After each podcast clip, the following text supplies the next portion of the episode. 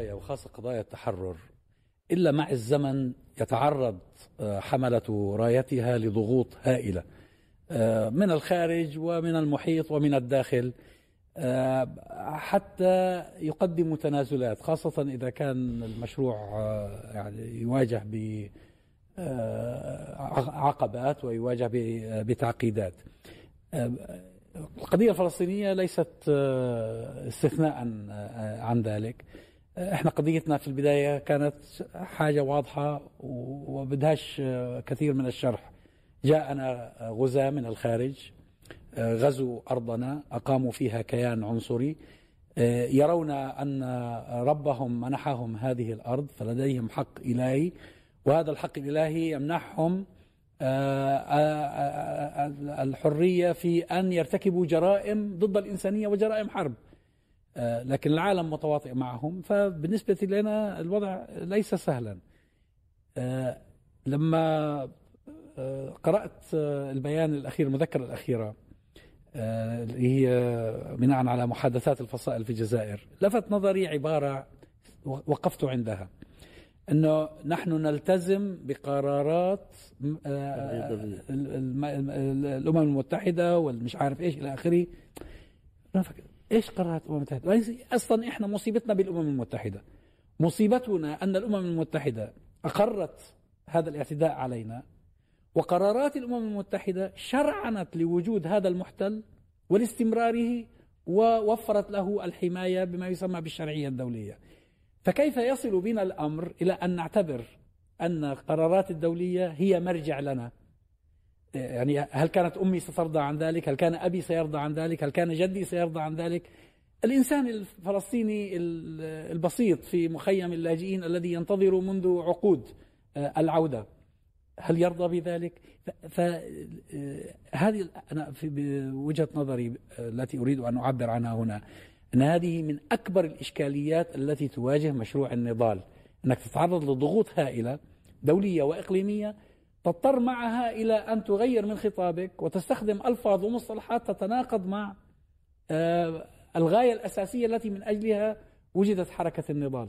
ولهيك تأسيس الكيان الصهيوني لم يكن يعني باعتقادي والنظرية الأقرب للتصديق أو للواقع أنه ما كان جهد صهيوني بحت ولا, ولا كان تخطيط صهيوني بحت بل ربما كان هو إرادة دولية فرضت هذا المشروع في ظل الانسحاب الاستعماري من المنطقة.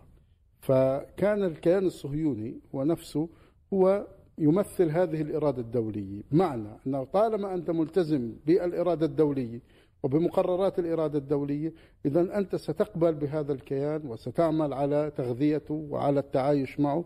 وهذا ما يتناقض كليا كليا ما يتناقض كليا مع مفهوم التحرر الوطني ومفهوم الشعب الذي يريد أن يستعيد كل حقوقه. هو أصلا المشروع المشروع الصهيوني في الأساس لو كان الأمر متروكا للصهاينة الذين نشأوا في أوروبا في أواخر القرن التاسع عشر ومطلع القرن العشرين لما نجحوا. وهذا ما هذا ما أريد المشكلة المشكلة هذه أولا الذي قرأته هذا كان حل الوسط. لو شفت أنت ال ال الأصل في هذه الكتاب كان كان أسوأ وأفسح بكثير. نعم. يعني اولا في موضوع آه، آه، القضية الفلسطينية هناك في إصرار في هذا البيان على التمسك بالمبادرة العربية اللي ما أحد يتحدث عنها أصلا، المبادرة العربية اللي تتكلم عن التطبيع وتتكلم عن عن دولة 67 وكأن هناك في شيء اسمه حل الدولتين وهو مسألة أصلا كل العالم الآن يصبح ويقول أنه معترف أنه حل الدولتين انتهى، حتى مع يعني يعني في داخل الولايات المتحدة الأمريكية من أيام عصر أوباما وقبل عصر أوباما كانوا ما فيش شيء اسمه حل الدولتين، ولكن هم يلوقوا في نفس ويدوروا في نفس الدائرة ألا وهي محاولة التمسك بالأوهام سواء كانت ما يسمى بالشرعية الدولية قرار الأمم المتحدة حل الدولتين المبادرة العربية هم لا يريدون أن يواجهوا الحقيقة وأن هذا هو يعني يعني مشروع استيطاني استعماري إحلالي استعلائي. وإذا كان المسألة يعني كانت غامضة أصبحت واضحة جدا. أكثر من 30 سنة أو قريب 30 سنة الآن تتحدث عن محادثات لم تفضي إلى شيء. تقريبا تسع سنوات لم يكن هناك حتى مق... يعني يعني حتى لقاءات ممكن أن تقول إنه يعني هناك شيء يجري. ومع ذلك ما زالت السلطة تتمسك بذلك في اجتماع الفصائل كانت تت... ت...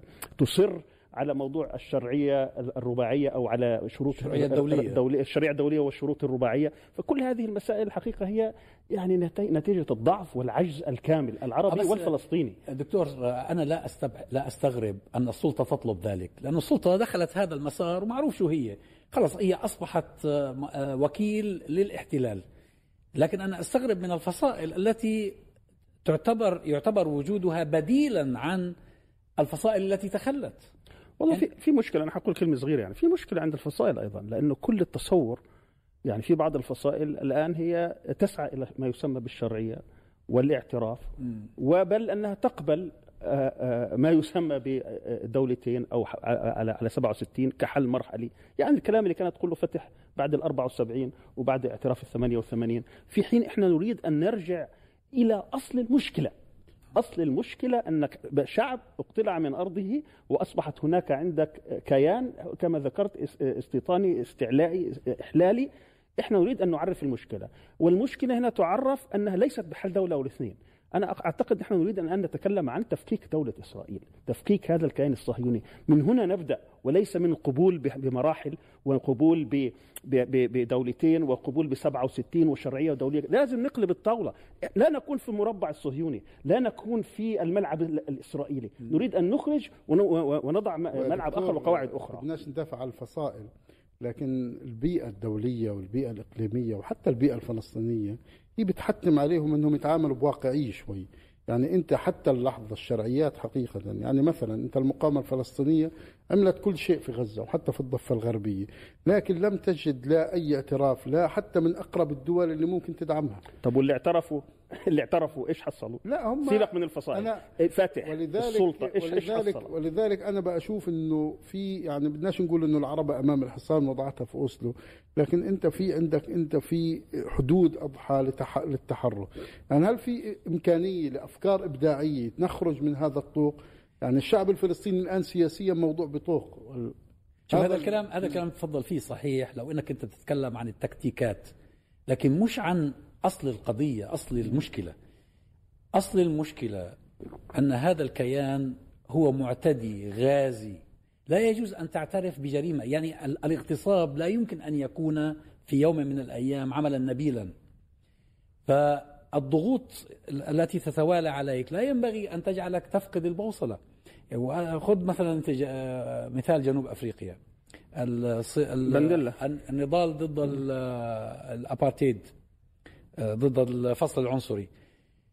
كان يمكن للمناضلين أن يناقشوا أي قضية فيما عدا قضية اضفاء الشرعية على الفصل العنصري. ظل شرط عندهم وفي وضوح للرؤية.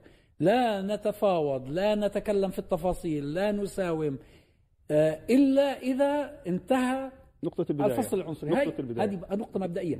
إحنا ينبغي أن يكون موقفنا أن الصهيونية مرفوضة. ما لم تفكك الصهيونية ما لم تنتهي الصهيونية ما فيش كلام. لما يجوا الصهاينة ويقولوا إحنا والله أدركنا انه الصهيونية غير ممكن أن تستمر وإحنا مستعدين نتخلى عن الصهيونية يا سيدي تكلم ادخل بالتفاصيل. نعم. لكن إنه يصير في كلام عن القبول باثنين أربعة اثنين وثلاثة ثلاثة ثمانية والقبول بالشرعية الدولية. معناته إيش؟ صارت كل فصيل من الفصائل يكرر ما فعلته فتح. زمان كانت المنظمة يعني تتحاور مع الغرب مع الولايات المتحدة الأمريكية يضغطوا عليها للقبول بذلك. المشكلة الآن أنه إحنا صارت مشكلتنا داخلية. أنه صارت السلطة يشترطوا لازم أنت الباب اللي دخلنا منه تدخل منه. الاعتراف اللي اعترفنا فيه تعترف فيه. وإلا سيبقى حالة الانقسام. والإشكالية إنه الآن بات ما في تفرقة ما بين يعني طرفي الانقسام زي ما بسموهم والكل متحمل المسؤولية فبصير ضغط هائل على بعض الفصائل. أنا ما بدي أكون محامي فصائل لكن إحنا خلينا نشوف كيف بفكروا المشكلة انه الفصائل وضعت نفسها في هذا الجو. أنت ليش أصلا تدخل في هذا الجو؟ هو إيش الموضوع مش الفصائل. البديل. أنا أنا ممكن يعني الفصائل للأسف تحولت إلى مؤسسات. نقطة التحول أنا أعتقد التاريخي في القضية الفلسطينيه بدأت عندما انطلقت مقاومة. هذه المقاومة سميت حركة التحرير الوطني الفلسطيني. فتح. المقاومة الفلسطينية قبل فتح يعني لازم نثبت هذه المسألة. لا يعني يعني يعني فتح 65 مقاومة لها قرن في نهاية المطاف هذه الحركة. هذه هذه النقلة. هذه النقلة. نقلت فلسطين من عهدة النظام العربي المشلول الضعيف الذي يتعرض عمليا لهيمنة الغرب. إلى الشعب الفلسطيني. ولهذا أحدثت تلك النقلة وبدأ الناس يفكروا في حل القضية. لكن المرجعية الدولية جعلت الناس يتعاملون مع القضية كما لو كان احتلال وشعب يتعرض للاحتلال. هذه المسألة مختلفة تماما. ليست بريطانيا. بريطانيا كانت احتلال نعم. وكان في أمل أنه في مرحلة ما بريطانيا تخرج ويبقى الشعب الفلسطيني. لكن هذا شعب هؤلاء أناس جاءوا من أقطار الأرض ليستوطنوا هذه الأرض ويعتبروها استنادا لادعاءات تاريخية ودينية هي أرضهم وأن الفلسطينيين لا شأن لهم في هذه الأرض وأن عليهم أن يذهبوا إلى البحر إلى إلى إلى الجحيم إلى أي مكان آخر. اليوم الذين واجهوا الكيان الصهيوني بالسلاح من أجل العودة إلى إلى فلسطين تحولوا إلى مؤسسات فاسدة ومثقلة بالالتزامات ويتعين اليوم أن تتحول المواجهة من التزامات مؤسساتية عبر الفصائل إلى الشعب الفلسطيني نفسه.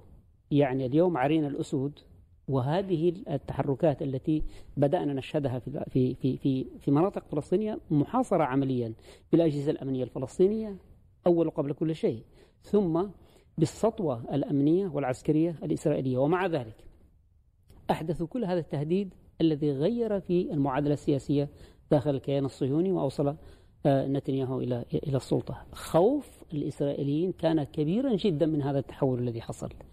الشعب الفلسطيني هو أعتقد نقطة الارتكاز. الشعب الفلسطيني غير المنظم والذي لديه خيار واحد فقط هو التعامل مع هذا الكيان الصهيوني باعتباره عدو ويتعين التعامل معه بالقدر ذاته من العنف هو الذي سيغير المعادلة. محاولة مأسسة المقاومة مشكلة كبيرة. يمكن لمأسسة المقاومة عندما تكون هذه المأسسة لصالح الفعل الثوري لصالح الفعل المقاوم يمكن. لكن عندما تتحول المقاومة المؤسساتية هذه إلى أحمال ثقيلة على الشعب الفلسطيني وإلى مفاسد أعتقد أنها مشكلة آه، كبيرة. أنا بعتقد المشكلة آه، في الغرق في تفاصيل القضية الفلسطينية. فأنت إذا بدأت بقراءة مواقف الفصائل ومواقف القادة الفلسطينيين في المئة سنة الأخيرة ستغرق في تفاصيل كثيرة. مجملها أن الفلسطيني حاول أن يكون براغماتي يعني حاول أن يتعايش مع واقع مفروض. والآن إذا بدك تناقش مواقف الفصائل كلها في هذا السياق إيه، أيضا المواطن العربي والمواطن الإسلامي أصبح ينظر إلى القضية الفلسطينية من تفاصيل. يعني ماذا تفعل السلطة الفلسطينية؟ ماذا يفعل هذا الفصيل أو أو ذاك؟ وأعتقد إنه هذا هو جوهر المشكلة. القضية الفلسطينية ليست هذه التفاصيل. القضية الفلسطينية صحيح. تحدثت عنها في البداية إنه مشروع استعماري أكبر من الحركة الصهيونية نفسها. ومشروع استعماري لا يشمل فلسطين فقط يشمل المنطقة جميعا. يعني آه، آه، نحن نقارن أنفسنا بدول عربية أساسا هي ليست دول. يعني ليست دول مستقلة. يعني آه، إذا إذا أردنا أن نتحدث بعمق وبشمولية كل النظام العربي ليس مستقلا وليست دول ذات سيادة وهي صنيعة بالضبط مثل المشروع الصهيوني وصنعت في نفس المطبخ وفي نفس المصنع وأنتج نفس الخط الإنتاج أنتجها جميعا. في مرحلة سطى فيها الاستعمار على المنطقة ونفذ سياساته وأخضع المنطقة لسياساته للمدى البعيد. فأنشأ هذه الدول ووضعها في ضمن معايير معينة ومن ضمنها هذا المشروع الصهيوني وهو لخدمته تحديدا لخدمته تحديدا. والحركة الصهيونية هي مجرد أداة استخدمت في ضمن هذا المشروع الاستعماري. لذلك عندما نقول أن الحركة الصهيونية هي مشروع استعماري فهذا كلام دقيق مئة بالمئة. أيضا الأنظمة العربية التي أنشئت هي مشاريع استعمارية يعني مثل المشروع الصهيوني. وهو سبب غياب الديمقراطية وغياب التنمية غياب الاستقلال وغياب السيادة لأنها كلها مشاريع استعمارية. الاستعمار احتل البلاد وأنشأ نظم أنشأ أجهزة أمنية كما أنشأ أجهزة أمنية الفلسطينية أنشأ كل الأجهزة الأمنية العربية. انسحب وسلم آه، منظومات تابعة آه، له وما زالت اقتصاده وثقافته كلها تحت رعاية الغرب. إذا نظرنا في هذا المنظور الشامل سنفهم القضية الفلسطينية بشكل آه، بشكل جيد حينها الأخ إبراهيم سأل إيش الحل؟ إيش البديل؟ كويس. أنا أعتقد أنه يعني يجب أن تكون نقطة البدء. أنه أي مشروع يريد أن يحقق لازم تكون عنده ما يسميه بالإستراتيجية العظمى. يعني الشيء اللي هو يحكم كل تحركاته. الآن الاستراتيجية العظمى لدى آه، لدى يعني السلطة الفلسطينية وهذا الفصيل الذي يريد أن يساوم ويصل إلى تسوية وكذلك بعض الفصائل هي حل الدولة أو الدولتين أو في هذا المضمار. أنا أعتقد أنه يجب أن نرجع وتكون استراتيجيتنا العظمى هو تفكيك دولة إسرائيل تفكيك هذا الكيان الذي أنشئ بظلم وإنشئ من خلال الحركة الصهيونية بتعاونها طبعا مع الاستعمار والقوى الاستعمارية والإمبريالية في, في إذا كان هذه المسألة فيجب أن ندرك ما هي حقيقة هذه الدولة ما هي الأسس التي تقوم عليها ما هو سبب بقائها وقوتها تفكيكها لا يأتي هكذا من التمني ولا حتى. يعني أنا في دراستي لهذه المسألة أنا أقول وأزعم أن الشعب الفلسطيني لو توحد كله فتح على حماس على جهاد على كل الفصائل لا يمكن أن يفكك هذه الدولة وحده. طبعا. لأنه هذه الدولة في وجهة نظري تعتمد على 12 محدد في قوتها. نحن كفلسطينيين ممكن نؤثر في ثلاثة. فيبقى تسعة. اذا أنت بحاجة إلى إعادة تشكيل الرؤية ثم وضع الاستراتيجيات كيف تفكك هذه الدولة. إذا تعاملت مع ال 12 محدد هؤلاء وحدة وترجي ما هي التكتيكات؟ هذا زي زي مبنى عليه 12 عمود. هذا اللي يمكن باللفظ القرآني حبل من الناس. إذا استطعت أنك تضرب هذه العواميد وحدة سينهار هذا المبنى. الآن إيش يأتي بعدها؟ أنا غير معني الآن. ولكن هي مبنية على أمرين. الأمر الأول أن الشعب يعني المعادلة اللي عندي أن الشعب لا يمكن حل هذه القضية بدون الشعب الفلسطيني ولا يمكن أن تحل هذه القضية بالفلسطيني وحده. هذه رقم واحد. رقم اثنين في مهمتين رئيسيتين لهذا المشروع. رقم واحد أن الشعب الفلسطيني يجب أن يبقى على أرضه لأنه بدونه ما في قضية. والأمر الثاني هو بناء حركة نضالية على مستوى العالم كله تتشابك مع هذه الحركة الصهيونية في كل شيء اقتصاديا وسياسيا واجتماعيا وثقافيا واكاديميا وقانونيا وحقوقيا وعلى كل المستويات. بهذه تستطيع أنك تقوده وتتعامل من 12 محدد هذول وبعدين هو في داخل الإطار نفسه في هذا الكيان تناقضات كثيرة جدا. يمكن الدكتور صلاح يعني تكلم على كثير جدا. غني وفقير عربي ويهودي ومستوطن وغير مستوطن ومتدين وغير وعلماني في أشياء كثيرة في داخله هو نفسه سيهتز وفي الآخر ستجده ينهار وعند انهياره نتكلم عن المستقبل. ولكن في القلب منها رقم واحد. أن الفلسطيني تعود له كل حقوقه ولا مساومة عليه من حق العودة إلى حق التعويض إلى كل شيء. والأمر الثاني بهذا المشروع نحن سننقذ اليهودية لأن الصهيونية الحقيقة هي أخذت اليهودية. إحنا وهو مش صراع ديني. ليش مش صراع ديني؟ هم بالنسبة لهم صراع ديني. أنا بالنسبة لي هو صراع المعتدي. بهذا إحنا يعني نهتدي بآيات سورة الممتحنة. لا ينهاكم الله عن الذين لم يقاتلوكم في الدين ولم يخرجوكم من دياركم أن تبروهم وتقسطوا إليهم. إن الله يحب إنما ينهاكم الله عن الذين قاتلوكم في الدين وأخرجوكم من دياركم الصهاينة وظهروا على إخراجكم اللي بيعاونوهم اذا هذا اذا هو بالنسبة لي مش صراع ديني. الدين عنصر هام ولكنه ليس بصراع أيوه ما هذا هذا هو اللي هو وضوح الرؤية. نعم.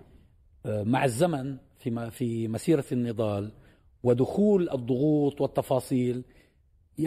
تبدأ الرؤية بصير فيها غبش. عدم وضوح.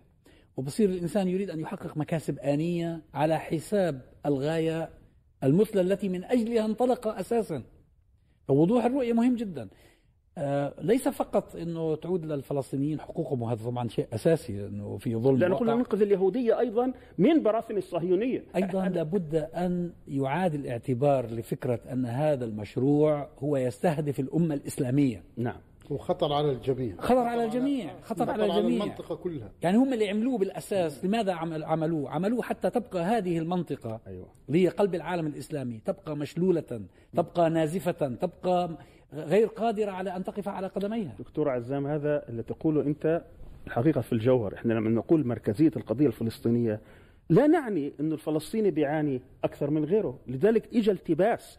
يقول لك يا أخي السوري بيعاني أكثر واليمني بيعاني أكثر نعم أنا معترف السوري السوري يعاني أكثر والعراقي يعاني أكثر والليبي واليمني والأفغاني. جميل.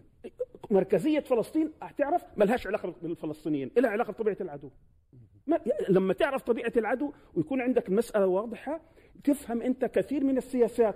يا أخي يعني حماس رجعت مش عارف لهي يا أخي إذا إذا صار هناك في تضارب بين مبدأين اللي هو المبدا عندي مواجهة ال ال ال ال ال الإمبريالية والصهيونية والإستبداد. إذا الرؤية واضحة عندك هنا بتستطيع أن تعرف مين أخطر من من وقد تضطر أخذ أنت بعض المواقف التي لا تروق لك ولكن إذا الرؤية واضحة تستطيع أن تحدد موقفك ومسارك. بالضبط هي مشكلة رؤية. أنا أعتقد أنه أكبر آه، مشكلة عانت منها الرؤية الفلسطينية للنظر آه، للمشروع. أولا الموضوع أنه هل هو مشروع استعماري أم هي مشكلة مع اليهود؟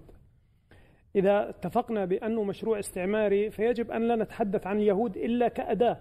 كأداة في هذا المشروع. حتى الحركة الصهيونية كمشروع وبعضهم وليس كلهم صحيح. استخدمت استخدمت اليهود. واستخدم وبالتالي يوجد يهود لا يؤمنوا بالصهيونية ولم يتعاونوا معها حتى هذه اللحظة.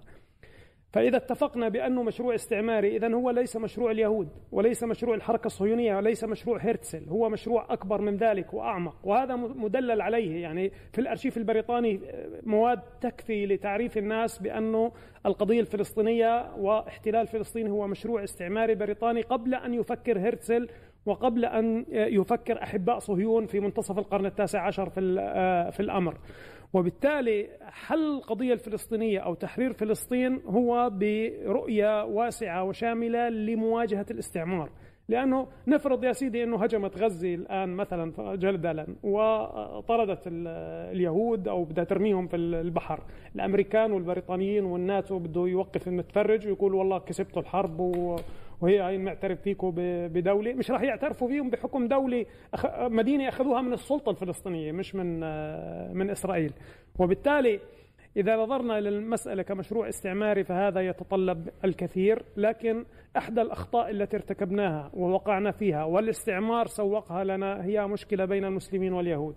بين وبالتالي عندما جاء الاستعمار واحتل فلسطين أنشأ المجلس الإسلامي الأعلى مقابل الوكالة اليهودية. أنشأهم كأدوات لنقل الصراع من استعمار يستعمر المنطقة ويريد أن يستولي على العالم وليس على المسلمين فقط أو العرب فقط إلى مشكلة بين المجلس الإسلامي الأعلى الذي يرفض دولة لليهود في فلسطين. وأصبحت القضية خلاف بين اليهود وبين الفلسطينيين بين المسلمين واليهود على أجزاء فلسطين. يعني دخلنا في خلاف على الجزئيات وليس على أصل المشكلة. أين المشكلة في أنه في أن نوصف القضية بأن لها أساس ديني عميق؟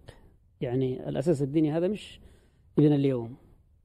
يعني الحملات الصليبية التي توالت على المنطقة ما, ما هدفها بالتحديد؟ هو هو هدفها القدس. أساس ديني لكن ليس لا بس هو ليس استغل. ليس يعني هي الحملات الصليبية في اساسها الحملات الصليبية في أساسها كانت دوافعها اقتصادية اجتماعية. استعمارية كان في أزمة في أوروبا وأرادوا أن يصدروها. فهم ضحكوا على هذا المؤرخ. العوام. وقالوا لهم أنكم ستحررون مهد المسيح. وألقوا بهم في آتون هذه الحروب. على فكرة أكبر ضحايا الحروب الصليبية كانوا من من أتباع المسيحية من أهل الشرق. لأن الأوروبيين الأوروبيون الفرنجة كان العرب يسمونهم المسلمون كانوا يسمونهم الفرنجة. نعم نعم هذا صحيح. في مسيرتهم نحو مهد المسيح كانوا يذبحون كل مخالف لهم ومعظم مخالفيهم كانوا من المسيحية من نصارى الشرق. من نصارى الشرق. فهي هذه هذه كذبة كذبها كذبوها في هي أوروبا. القضية هنا الحقيقة هو الصراع ديني من طرف من؟ هم إحنا معترفين لا. بهم الإسلام اعترف باليهودية والمسيحية كما هي بالتثليث بالكفر اعترفنا بهم هكذا نحن نفهم نعم. الدين اذا إحنا اعترفنا بهم ما عندي مشكلة أنا لأنه يهودي بمعتقداتي أنا لا هذه أنا لا أقصد اليهود إيه هنا هم يعتبروها أنا لا أقصد مشكلة اليهود. دينية أقصد بالاساس الديني ديني. إنه المنظومة الاستعمارية الغربية كان دافعها ديني في تمكين الصهاينة من فلسطين. هذه ليست مشكلة هذه ليست مشكلة. بالضبط. أنا ما أريد أن أقول الآن إنه إذا كان أنت تفكر باستراتيجية الآن فالاستراتيجية ينبغي أن تتوفر لها أدوات مناسبة.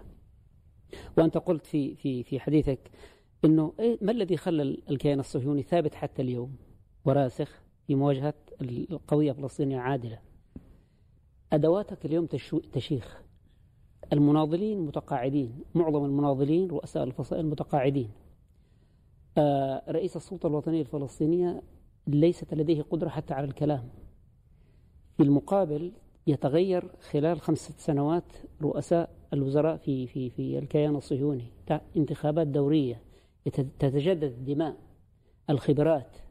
كيف يمكن أن تواجه تحدي كهذا وأنت تعتمد على ذات الأشخاص الذين شاخوا وترهلوا وأصبح النضال امتياز.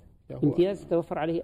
هل المشكلة في الأشخاص أم المشكلة في في غياب النضال ينبغي أن يتجد يعني لماذا هؤلاء؟ يعني لو لو راح مثلا اليوم رئيس السلطة وإجا وزير رئيس المخابرات اللي هو في الخمسينات هل تحل لا لا لا, لا.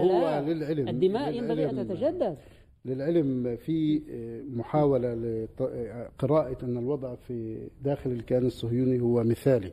هناك انتخابات. نحن أو الاحتلال الإسرائيلي الآن يعيش في فراغ سياسي منذ ثلاث أو أربع سنوات في ثلاث سنوات يمكن أكثر من ست أو سبع انتخابات.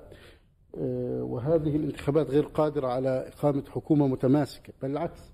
أنا بعتقد أن منحنى الصهيوني أو منحنى الاحتلال الآن في تراجع في تراجع من نواحي يعني عديدة. يعني لو عرفنا وعلمنا رغم التهجير والقتل والاستيلاء والدعم الدولي هذا كله والتجميع هذا كله الآن الآن ونحن نعيش في عام 2022 عدد الفلسطينيين يفوق عدد الإسرائيليين والصهاينة داخل فلسطين المحتلة.